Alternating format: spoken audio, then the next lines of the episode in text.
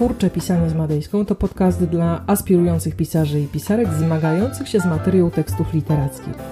To również podcast o twórczym czytaniu, słuchaniu i podglądaniu świata. To podcast o twórczym życiu. Nazywam się Ewa Madejska. Jestem pisarką, dramatopisarką, scenarzystką, ale przede wszystkim nauczycielką twórczego pisania. Dzisiaj odcinek walentynkowy, w którym spróbuję, chociaż to nie jest łatwe i zrobię to z całą pewnością pobieżnie, opowiedzieć Ci o, o seksie w literaturze. O tym, jakie są według mnie, zaznaczam według mnie, najlepsze sceny seksu, powiem na końcu. Po pierwsze, moim zdaniem, podkreślam, moim zdaniem, sceny erotyczne w fikcji literackiej nie są konieczne. Po drugie, mimo wszystko myślę, że seksualna prohibicja w literaturze nie ma sensu.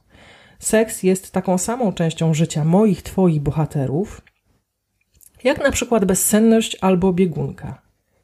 Z drugiej jednak strony jest chyba ważniejszą częścią życia niż bezsenność albo biegunka, bo dotychczas nikt nie wymyślił nagrody za najgorsze opisy bezsenności albo biegunki, a nagroda za najgorsze opisy seksu jest. Po raz pierwszy wręczono ją w 1993 roku. Nie chcesz jej dostać. Dlatego ważne, naprawdę ważne jest to, abyś o intymnej części życia swoich bohaterów umiał, umiała pisać dobrze. Najpierw zastanów się, czy w ogóle potrafisz pisać o seksie. Jeżeli masz z tym problem, zastanów się, jakie jest jego źródło, jakie masz przekonania na temat tej strefy życia, skąd pochodzą te przekonania. W dużej mierze, prawdopodobnie, ze współrzędnych geograficznych. W miejscu, w którym żyjemy, w którym mieszkamy, w którym dojrzewamy, dojrzewaliśmy, dojrzewałyśmy, a dojrzewaliśmy, dojrzewałyśmy w cieniu kościelnych wież i pomników świętych, od wieków seks równa się grzech. Nie jestem teolożką, nie jestem moralistką. Nie zrobię teraz wykładu o tym, co w zachowaniach seksualnych jest albo nie jest grzechem. Dobrze znasz granice. To są Twoje granice. Trzymaj się ich. Dla mnie grzechem, jedynym grzechem jest źle pisać, o seksie również. W scenach opisujących kontakty lędźwiowe między bohaterami, bohaterkami łatwo bowiem o groteskę albo o wulgarność. Groteskowe są często opisy seksu w literaturze dla kobiet, wulgarne w literaturze pornograficznej, przy czym to, co groteskowe, może być wulgarne, a to, co wulgarne, w pewnym momencie zawsze staje się groteskowe. Oba gatunki, i literatura romantyczna, i literatura pornograficzna, mieszczą się w tym, co nazywam libro polo. Libro polo to literacki odpowiednik muzycznego disco polo. I libro i disco polo przeżywają właśnie odrodzenie. Te gatunki mnie jednak w tym momencie nie interesują. Interesuje mnie literatura piękna. Według mnie piękna. W literackiej klasyce znajdziemy sporo erotyki. Między IX a X wiekiem Arabowie dali światu Księgę Tysiąca i Jednej Nocy, księgę pełną seksu. W Europie, we Włoszech w XIV wieku Boccaccio stworzył Decameron, kompozycyjnie nawiązujący do Księgi Tysiąca i Jednej Nocy. W Dekameronie przez dziesięć dni dziesięciu bohaterów snuje opowieści o miłości i o erotycznych przygodach. W XVI wieku w Chinach powstał tekst pod tytułem Kwiaty śliwy w złotym wazonie, tekst obfitujący w naturalistyczne sceny erotyczne. W Europie worek z pornograficznymi sprośnościami rozwiązał Marquis de Sade. Polska literatura klasyczna również bywała frywolna. Może pamiętasz fraszkę Jana Kochanowskiego z Ksiąg Trzecich pod tytułem Do dziewki. Nie pamiętasz? Posłuchaj. Nie uciekaj przede mną, dziewko urodziwa, z twoją rumianą twarzą moja broda siwa zgodzi się znamienicie. Patrz, gdy wieniec że pospolicie sadzą przy różej lelią. Nie uciekaj przede mną, dziewko urodziwa, serce ci jeszcze nie stare, chocia broda siwa, choć u mnie broda siwa jeszcze mnie zganiony, czosnek ma głowę białą, a ogon zielony. Nie uciekaj, Marada, wszak wiesz, im kot starszy, tym pospolicie mówią ogon jego twarszy i dąb, choć mieśćcy przeschnie, choć list na nim płowy, przed się stoi potężnie, bo ma korzeń zdrowy. Wróćmy do prozy. W prozie w dobrej prozie scena seksu powinna być skonstruowana tak jak każda inna scena.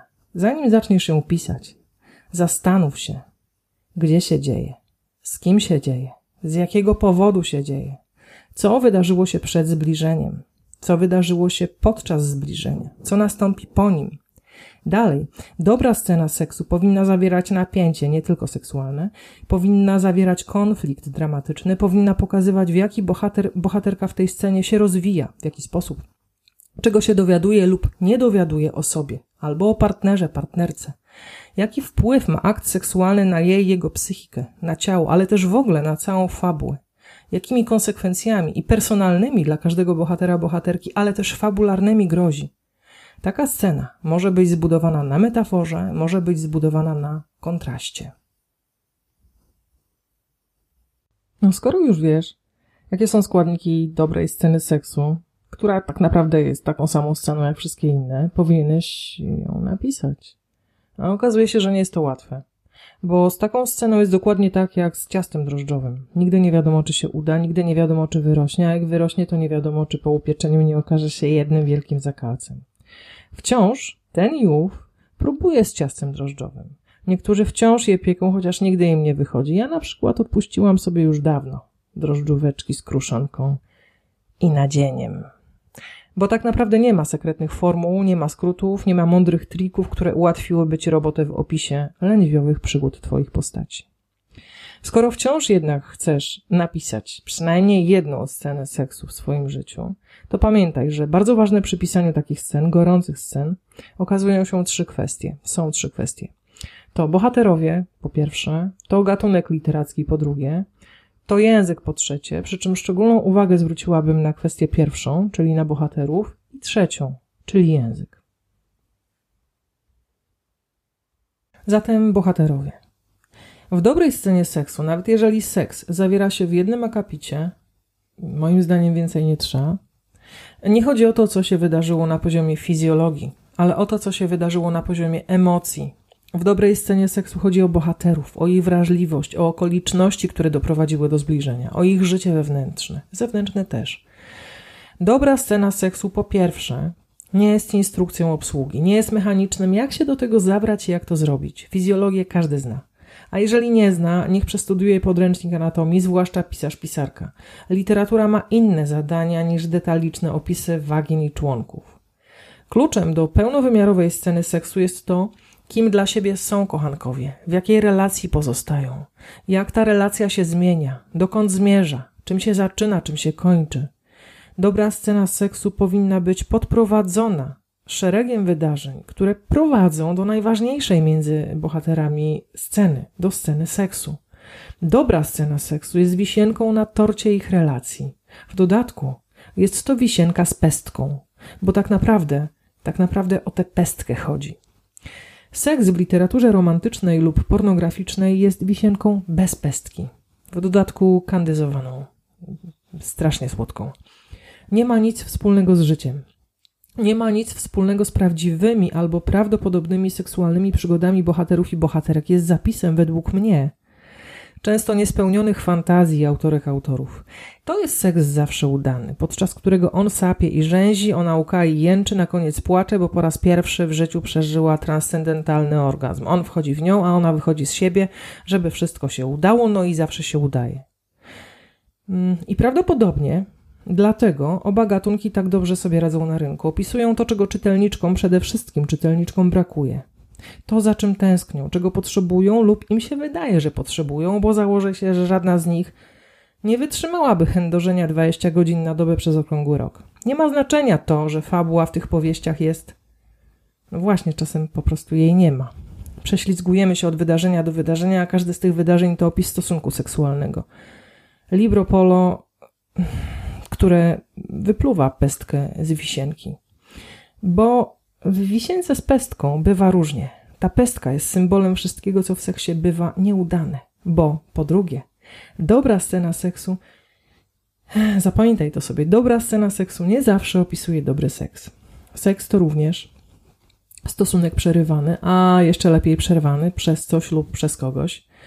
Dobra scena seksu to seks rozczarowujący, nieudany, nudny, taki, który boli, który jest narzędziem przemocy i władzy, seks wbrew woli, Dobra scena seksu może być o seksie mało zaangażowanego w zbliżenie kochanka lub obojętnej kochanki. Dobra scena seksu to taka, której przyczyną jest strach, lęk,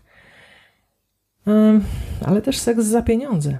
Takie opisy seksu sprawiają, że czytelnik zbliża się do bohaterów. Brak zawsze lepiej buduje postać niż nadmiar i spełnienie. Czyni ją bardziej interesującą, a jednocześnie bardziej prawdziwą. Porażkę rozumiemy lepiej niż sukces, również na poziomie fizycznym, na poziomie seksualnym. I skoro jesteśmy przy bohaterach, to chciałabym powiedzieć Ci o różnych typach bohaterów, ponieważ w zależności od nich, od tego, o kim piszemy, czyje przygody opisujemy, rozmaicie będziemy pisać w różnorodny sposób o seksie. Pierwszy z tych typów to bohater początkujący, ten, który przeżywa seksualną inicjację. Mm, dla tych, którzy to robią po raz pierwszy, dla bohaterów literackich, jest to moment inicjacji nie tylko seksualnej, ale jest to moment symbolicznego wejścia w dorosłość. Z tego powodu oczekiwania takich bohaterów są znacznie większe niż ich możliwości. W związku z tymi oczekiwaniami, chwilę później, rodzą się głębokie rozczarowania, bo początkujący są to ludzie młodzi, nieśmiali albo śmiali na pokaz. Najczęściej ignoranci, którzy być może budowali obraz seksu na podstawie hmm, niewłaściwej literatury romantycznej, pornograficznej albo po prostu pornografii. Są to ludzie pełni kompleksów, głównie związanych z ciałem. Seks może wiązać się dla nich z poczuciem winy, wstydu, buntu, ale też ulgi. Może być wyzwoleniem, E, pamiętaj o tym, że inicjacje seksualne przeżywają nie tylko e, młodzi ludzie heteronormatywni, ci nieheteronormatywni też. Dla nich pierwszy seks bywa daleko większym przeżyciem, ponieważ łamią tabu. To się wiąże z całym szeregiem innych komplikacji rodzinnych, domowych. To bardzo trudne. Pierwszy raz, bez względu na to, czy mamy do czynienia z młodzieżą hetero czy nieheteronormatywną, bywa przyjemny jak amputacja stopy bez znieczulenia. Pamiętaj o tym, kiedy piszesz. Pogłębiaj swoje postaci. Pokazuj ich motywację. Pokazuj, co się dzieje po takich aktach seksualnych. Pokazuj, jak budzi się w nich orientacja seksualna, ale też tożsamość. E, szukaj odpowiedzi na najważniejsze pytania. Pamiętaj, że seks jest tylko i wyłącznie tym elementem, który wyzwala prawdziwą historię. On nie jest jedną, jedyną historią w takich opowieściach. Kolejnym typem e, bohaterów są małżonkowie. Mm, zależy z jakim stażem, ale po kolei. Wcześniej albo później seks małżonków zawsze staje się rutynowy. Namiętność kończy się dosyć szybko, a zaczyna się, no co? No właśnie co?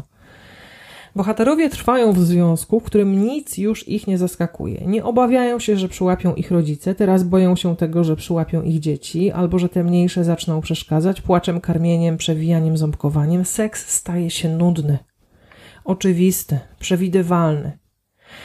Jeżeli tak jest, nie pisz o nim.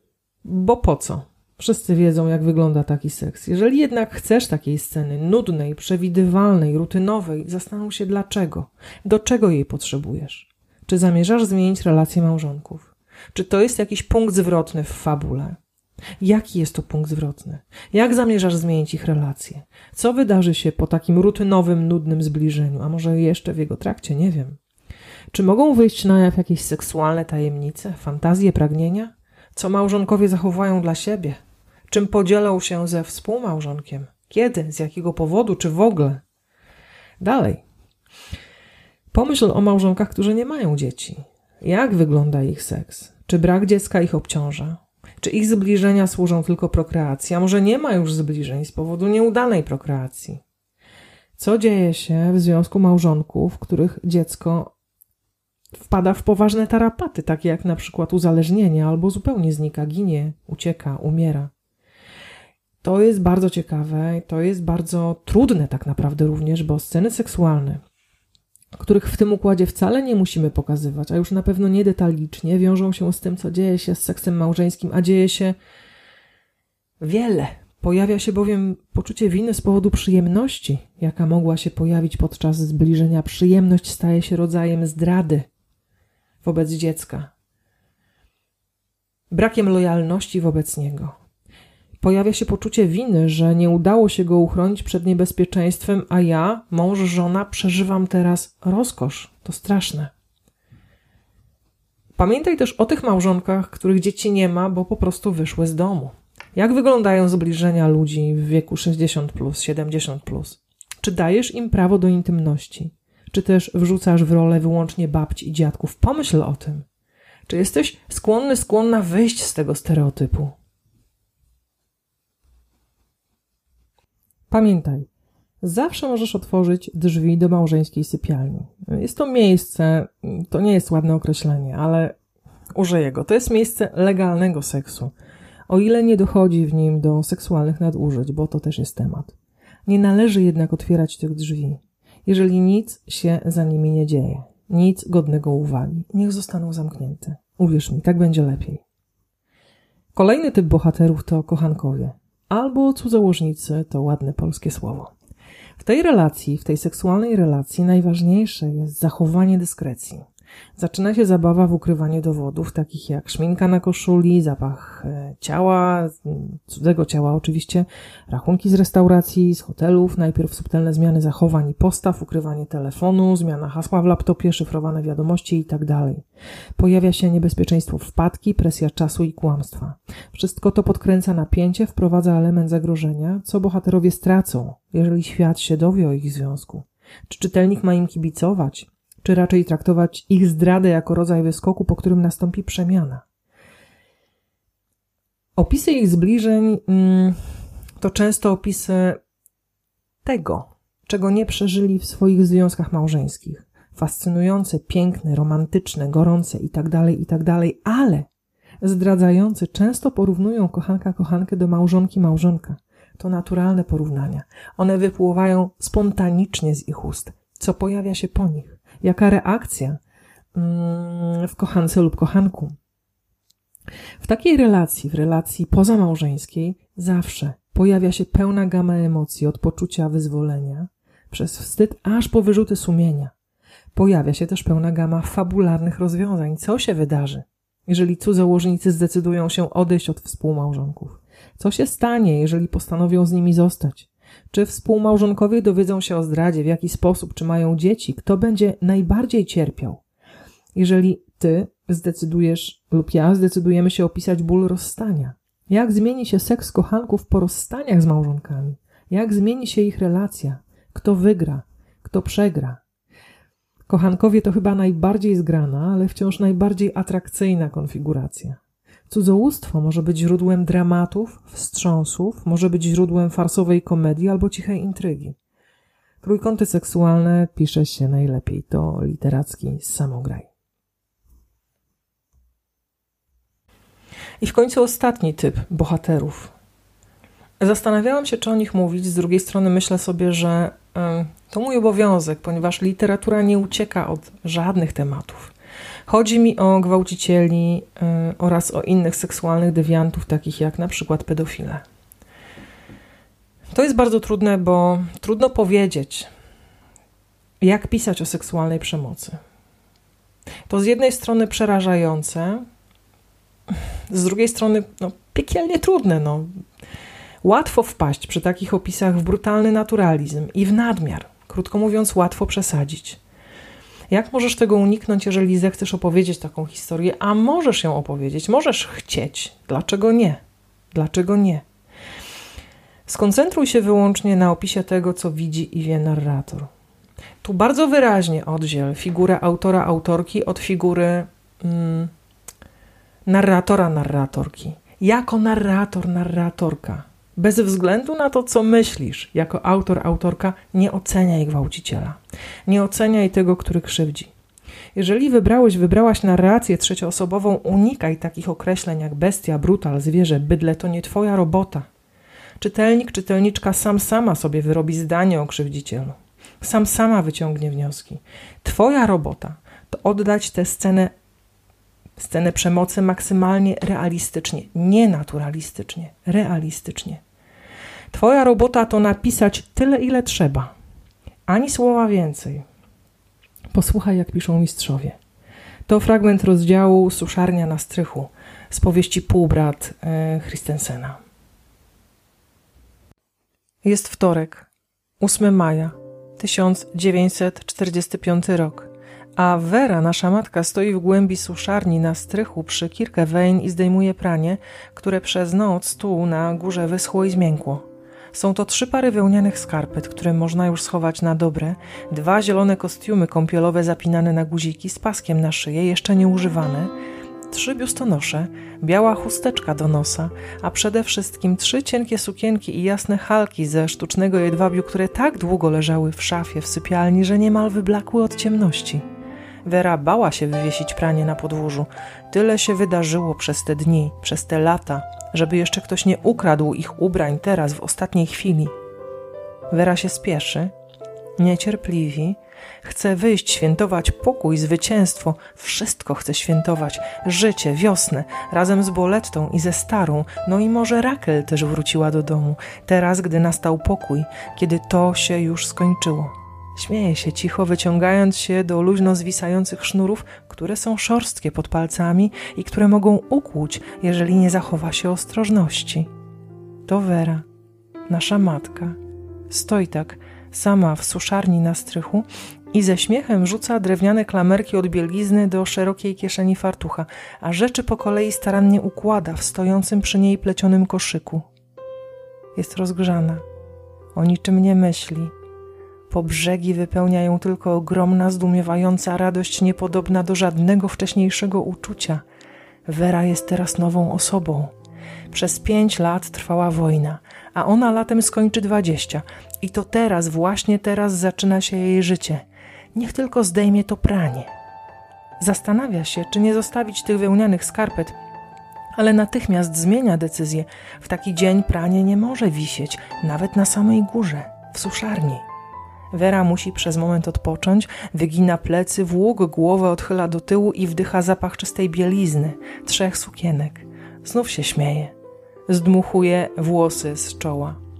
W rogu, pod szybem na koks, siedzi szary gołąb i grucha. Z ulicy dochodzą okrzyki, śpiewy i muzyka.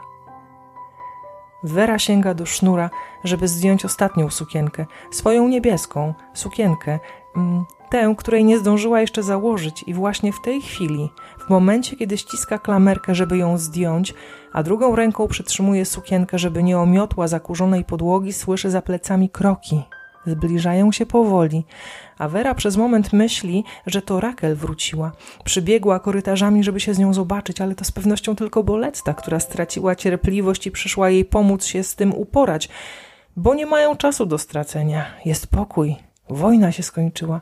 Wera zaraz coś powie do matki. Tak, tak, jeszcze tylko ta sukienka. Widzisz, jaka ładna? Albo może się tylko roześmieje z samej radości, a potem razem zniosą kosz z praniem z tych wszystkich schodów. Zaraz jednak uświadamia sobie, że to nie może być ani matka, ani Rakel, bo te kroki mają inny rytm, inny ciężar, deski w podłodze ledwie się uginają, gołąb w kącie nagle przestaje gruchać. To są kroki wojny, które wciąż idą naprzód i nim Wera zdąży się obrócić, ktoś ją łapie i przytrzymuje. Sucha dłoń przyciska się do jej twarzy i Wera nie ma czasu krzyknąć. Czuje wstrętny odór niemytej skóry. Ostry smród z ust obcego. Język drapiący w kark. Próbuje ugryźć tego człowieka. Zęby zatapiają się w grubej skórze, ale on nie puszcza. Wera nie może oddychać. On ją podnosi. Ona kopie ile sił, jeden but jej spada, a on ją zmusza, by uklękła i się pochyliła. Wera widzi, że sukienka krzywo zwisa ze sznura tylko na jednej klamerce i w momencie upadku pociąga ją za sobą. On odsuwa rękę od jej ust i Wera łapie oddech, ale teraz, kiedy może już krzyczeć, jednak nie krzyczy. Widzi jego ręce rozdzierające jej spódnicę i tylko to z niego widzi ręce. W jednej dłoni brakuje palca. Wera wbija paznokcie w tę dłoń, ale mężczyzna nie wydaje z siebie żadnego dźwięku. Dziewięć palców. To wszystko, czym jest. Przyciska jej twarz do podłogi. Policzek ociera się o szorstkie deski. Światło z tej pozycji wydaje się krzywe. Gołąb stroszy pióra. Wera czuje jego ręce na biodrach, dziewięć palców szorujących skórę. On ją rozrywa, rozdziera. Ona go nie słyszy. Wciska sobie sukienkę do ust, gryzie.